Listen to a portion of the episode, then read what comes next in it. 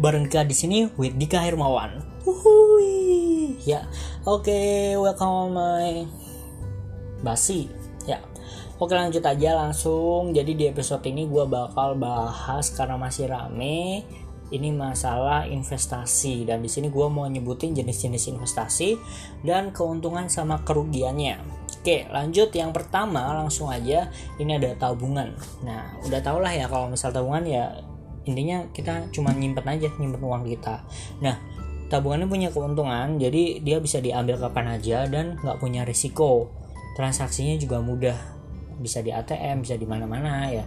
Terus untuk kerugian tabungan dia itu uangnya gampang berkurang karena ya tadi bisa diambil kapan aja gitu. Terus bunga tabungan juga kecil. Tabungan oke. Terus lanjut yang kedua deposito jadi deposito itu menyimpan uang untuk periode tertentu nah bila belum jatuh tempo uangnya uh, itu nggak bisa diambil ya kok belum jatuh tempo uangnya belum jatuh tempo atau belum sesuai dengan kontrak yang udah ditentukan. Jadi misal lo nyimpen uang di situ ada satu miliar atau 100 juta. Nah dalam waktu satu tahun lo mendapatkan bunga 4% misal. Nah dalam waktu lima bulan pertama lo butuh duitnya jadi mau ambil kan. Nah itu nggak bisa. Walaupun bisa maksa lo maksa mau ngambil ya lo dapat denda atau penalti. Uangnya bakal kembali kalau tapi lo udah kena denda kayak gitu Nah, untuk keuntungan deposito ini resikonya tuh rendah bahkan bisa dikatakan sangat rendah ya. Terus yang kedua, bunga yang dapat diterima juga lebih besar daripada tabungan biasa. Cuman kerugiannya itu eh, keuntungannya itu itu bisa lebih sedikit atau lebih kecil dibandingkan investasi-investasi yang lain yang langsung berhadapan dengan resiko pasar Nah, deposito ini kan nggak nggak langsung uh, berhadapan sama resiko pasar ya. Maksudnya si nasabah itu nggak langsung bertatap atau nggak langsung bertransaksi dengan pasarnya gitu loh karena uangnya dikelola sama pihak kedua. Nah, oke okay, lanjut yang ketiga dari reksadana ya. Reksadana ini uh, menghimpun dana secara kolektif ya tempat tempat menghimpun dana secara kolektif. Jadi dana yang ber, yang terkumpul itu bakal dikelola oleh yang namanya manajer investasi yang bakal diinvestasikan ke jenis investasi yang lainnya. Nah Terus kalau misal lo mendapatkan investasi yang diinvestasikan nama manajer investasi ini mendapatkan keuntungan, itu bakal dibagi secara rata atau kebalikannya ketika mendapatkan kerugian juga kerugiannya bakal dibagi uh, secara rata kayak gitu. Nah, ini untuk reksadana ini adalah pilihan awal buat lo, lo yang benar-benar baru mulai di bidang investasi ya. Nah, reksadana pun punya beberapa jenis. Ada reksadana pasar uang reksadana pendapatan tetap terus ada reksadana saham terus ada reksadana campuran. Nah kayak gitu. Maaf ya baca orangnya soalnya. Reksi, tapi resikonya juga beda-beda ya antara pasar uang pendapatan tetap saham ataupun uh, campuran. Nah oke okay, untuk keuntungan reksadana ini jadi kita nggak perlu banyak pengetahuan karena ya dana kita nggak di uh, karena dana kita nggak dikelola sendiri jadi dikelola sama manajer investasinya. Terus yang kedua karena di, diinvestasikan ke banyak tempat jadi ketika misal tempat A mengalami kerugian tempat B nya itu mengalami keuntungan jadi kerugian lu di tempat A itu udah ke cover gitu loh. Kayak gitu. Nah untuk kerugiannya eh, karena dikelola sama orang lain tidak dikelola oleh sendiri diri sendiri. Jadi kadang sering nggak puas sama hasilnya kayak gitu. Terus yang kedua keuntungannya juga lebih sedikit dibandingkan dengan saham yang lain ya. Karena uh, ada biaya yang dikeluarkan untuk pengelolanya pengelola investasi yang dana lo kayak gitu. Terus lanjut untuk keempat ini ada obligasi. Obligasi ini surat tanda bukti hutang. Jadi uh, bukti bahwa kita tuh memberikan hutang kepada perusahaan tertentu atau pemerintah kayak gitu. Nah, untuk keuntungan obligasinya, dia uh, obligasi itu memberikan pendapatan tetap atau fixed income berupa kupon. Terus yang kedua keuntungan atas penjualan obligasi atau capital gain. Yang ketiga bunga lebih besar dibandingkan deposito. Nah kerugiannya nih, kalau misal uh, company-nya atau pemerintahnya ya mohon maaf bangkrut, ya berarti kita nggak bakal dapat pengembalian hutangnya gitu kan, itu otomatis. Terus jangkanya juga panjang, jadi uh, kalau misal kita butuh duitnya sekarang kita nggak bisa. Karena paling enggak tuh obligasi itu lebih dari satu tahun. Ya kalau misal sekarang sih lebih mudah ya. Kita bisa jual obligasinya ke orang lain buat nerusin kayak gitu. Terus lanjut aja yang, yang kelima ada saham. Jadi saham udah pada tahu lah ya e, kepemilikan dalam suatu perusahaan. Kayak gitu. Nah terus e, di situ ketika kita mendapatkan keuntungan uh, itu bakal diterima sama pemegang saham itu bisa disebut dividen ya jadi kalau misal perusahaan itu dinilai baik banyak yang berminat untuk membeli saham perusahaan itu harga sahamnya bakal naik. Nah begitu juga kebalikannya kayak gitu. Nah terus untuk keuntungan saham tuh yang pertama itu dapat mendatangkan keuntungan yang sangat besar bila harga saham naik. Ya kalau misal harga sahamnya naik. Kalau misal turun berarti rugi dong.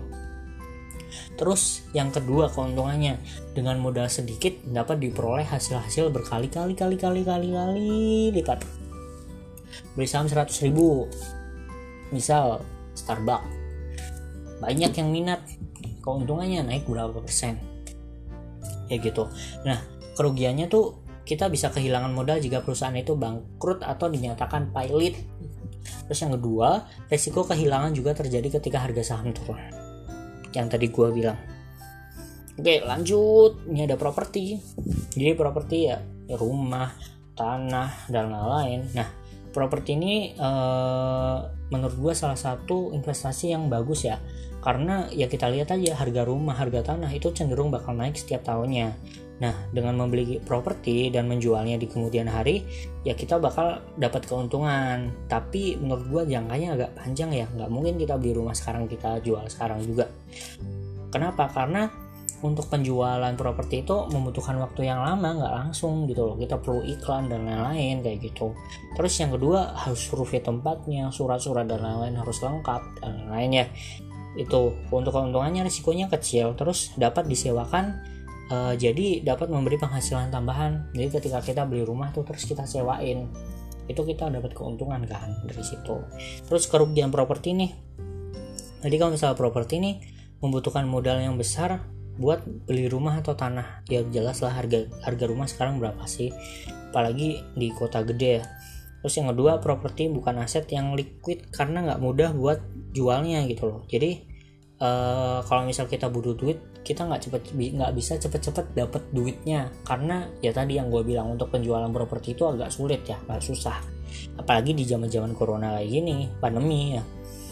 Gitu sih kalau misal properti. Cuma ya tadi gue bilang salah satu investasi yang bagus karena harganya cenderung akan naik ya. Namanya investasi kita harus mengharapkan harganya naik terus dong.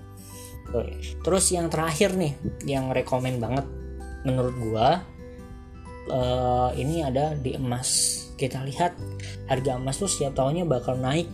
Nggak mungkin harga emas itu balik lagi ke 500 ribu per gram. Sekarang aja harga emas udah tembus 900an dan kemarin Juni tembus sampai 1 juta 200an kan 1 juta. Harganya sampai 1700an lah. Kayak gitu. Nah juga eh, emas itu semakin banyak yang beli berarti dia harganya semakin naik gitu loh. Dan ada momen-momen tertentu misal momen Natal momen tahun baru Imlek Lebaran. Terus uh, ada yang namanya musim kawin di India musim nikah sorry musim kawin anjir. Kayak gitu ya. Terus uh, keuntungannya dia termasuk aset liquid dan aset yang mudah dijual. Kenapa? Soalnya kita misal beli emas di Indonesia kita mau jual di Singapura juga tetap kejual emas. Ya walaupun nggak ada surat-suratnya tetap bisa dijual. Ya karena harga emas itu sama semuanya gitu terus yang kedua tahan lama. Jelas lah emas tahan lama. Terus yang ketiga harganya stabil dan cenderung naik. Nah cuma untuk kerugiannya emas itu nggak eh, nggak membuat pemiliknya bertambah kaya. Kenapa? Karena untuk kalau emas fisik dia jangka panjang juga ya. Paling nggak tiga bulanan baru bisa kejual lagi. Nunggu harganya bener-bener naik drastis kalau misal harganya cuma naik ya naik berapa poin gitu. Naik berapa ratus ribu rupiah seratus ribu itu belum belum dapat untung. Karena kalau misal kita jual fisiknya itu kita bakal dapat potongan admin dan ongkos gitu ya.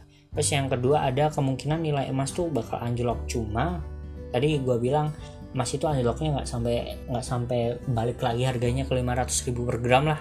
Terus yang ketiga nggak dapat memberikan penghasilan rutin. Yes. Itu untuk emas fisik. Yang gue rekomendasiin itu di emas non fisik. Kenapa? Yang pertama nih kita nggak perlu yang adanya namanya keamanan ya keamanan yang maksudnya kalau misal kita simpan emas fisik misal emas batangan nih di rumah otomatis ada kemungkinan buat dicuri dong buat kerampokan dan lain-lain. Terus yang kedua kalau misal emas fisik itu tadi gue bilang jadi uh, buat penjualannya pun agak lama untuk jangkanya karena emas fisik itu untuk nilai harganya bakal ngikutin dulu gitu loh nggak langsung. Hari ini kita beli kita jual sekarang hari ini juga ya kita bakal dapat rugi dong. Paling nggak kena biaya administrasi dan lain-lainnya. Terus yang namanya toko emas juga update nya kan per hari nggak per detik nggak per jam. Ya kan? Makanya gue rekomendasiin di emas yang non fisik atau nilai kontraknya saja. Karena harga emas di nilai kontrak itu bakal update per detiknya. Jadi kita misal uh, beli sekarang kita jual sekarang juga ketika harganya naik kita bakal dapat profit gitu loh. Terus yang kedua uh, dia udah ada keamanan dananya lah udah dijamin sama pemerintah juga yang namanya KBI atau keliling berjangka Indonesia. Di perusahaan-perusahaan yang ada izinnya. Kayak gitu. Terus uh, bisa buat menambah kaya ya. Karena profitnya juga menurut gua gede-gede gitu loh. Dengan kita kenaikan satu poin aja udah dapat satu juta. Kayak gitu dibandingkan dengan investasi-investasi investasi-investasi yang lain sih gue lebih prefer ke emas nilai kontrak ya karena di situ bener-bener ya bagus. Dan untuk kita nggak perlu yang namanya ya tadi gue bilang gitu sih. Ya semuanya yang gue bilang deh. Yang jelas gue prefer ke emas non fisik kayak gitu. Kayak gitu jadi itu beberapa jenis investasi dan juga keuntungan sama kerugiannya ya. Yes kayak gitu.